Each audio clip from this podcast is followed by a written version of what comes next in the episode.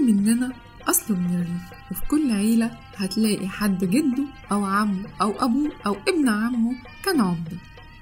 قال يعني كلنا ولاد عمد بس الأكيد إن كتير مننا ما يعرفش يعني إيه عمدة.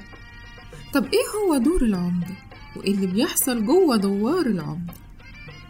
عشان كده في برنامجنا كل حلقة هنروح جوه دوار العمدة ونسمع حكاية من حكايات دوار العمدة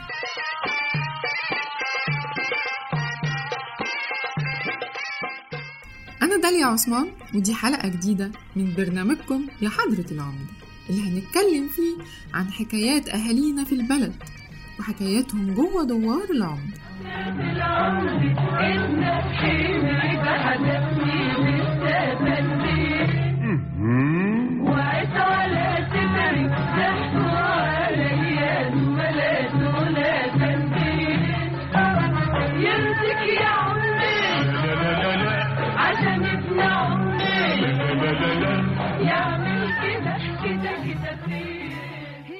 تفتكروا فكرة العمدة جت منين وإمتى ظهرت؟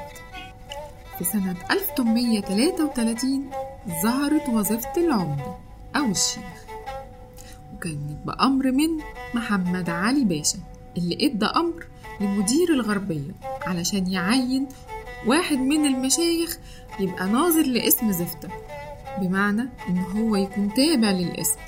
في السنة اللي بعدها أمر مدير الدقهلية بجمع العمد والمشايخ بتوع اسم دمياط وشربين علشان يشوفوا مين الأصلح إن هو يكون ناظر على دمياط.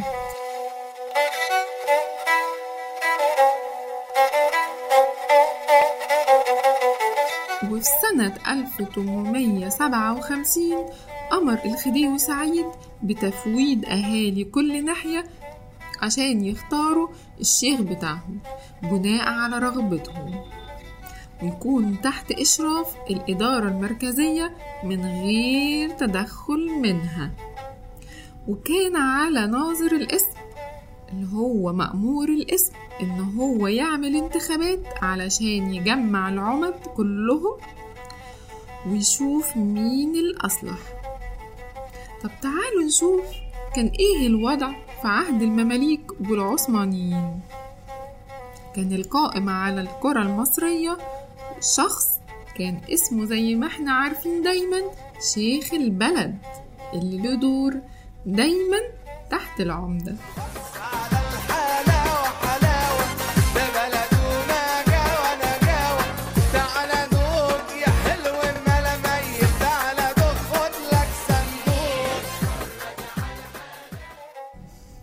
وفي عهد الخديوي إسماعيل سنة 1871 تم تشريع قانون بموجب القانون ده كان لكل قرية عمدة وكان للعمدة مجموعة من الغفرة وكان كمان معاهم شيخ البلد طبعا وكان أكتر من شيخ بلد ما كانش شيخ بلد واحد.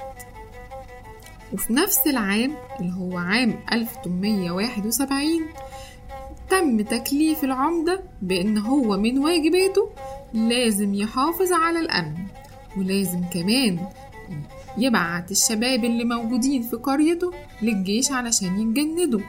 كمان كان بينظم أمور الري ده غير كده كمان كان لازم يسجل ويشرف على تسجيل المواليد والوفيات. مش بس كده ده كمان كان له دور كبير جدا في تسجيل أسامي الناس في جداول الانتخابات وإعداد جداول الانتخابات.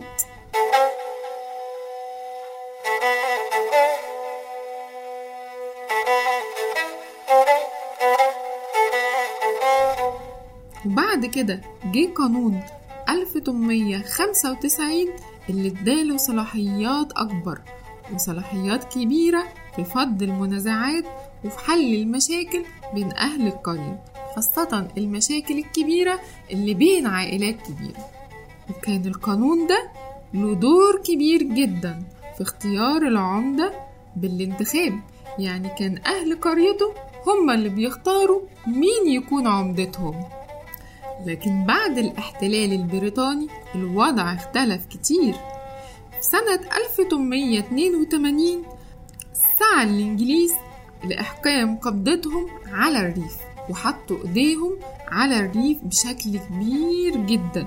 وطلبوا من الخديوي عباس حلمي إن هو يطلع مرسوم بقانون عام 1895 علشان يتم اختيار العمدة بالتعيين من مديريات الأمن. ومن الوقت ده تم التعيين العمدة من مديرية الأمن عشان الاحتلال يسيطر على جميع القرى.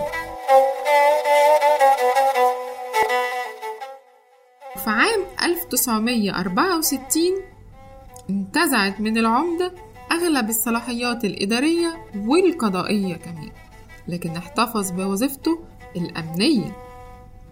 وكان له دور كبير في تسجيل أسماء الناخبين واستمر الدور ده حتى وقتنا هذا.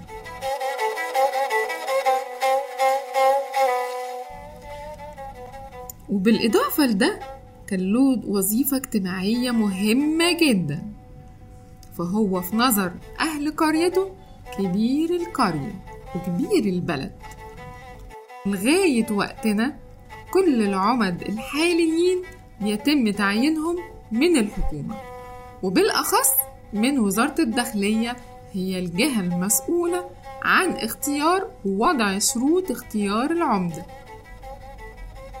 وكان أهم شرط من ضمن شروط اختيار العمدة إن هو يكون من كبار عائلات البلد اللي ليها سمعة طيبة ودايما الناس عارفاها بالخير والود.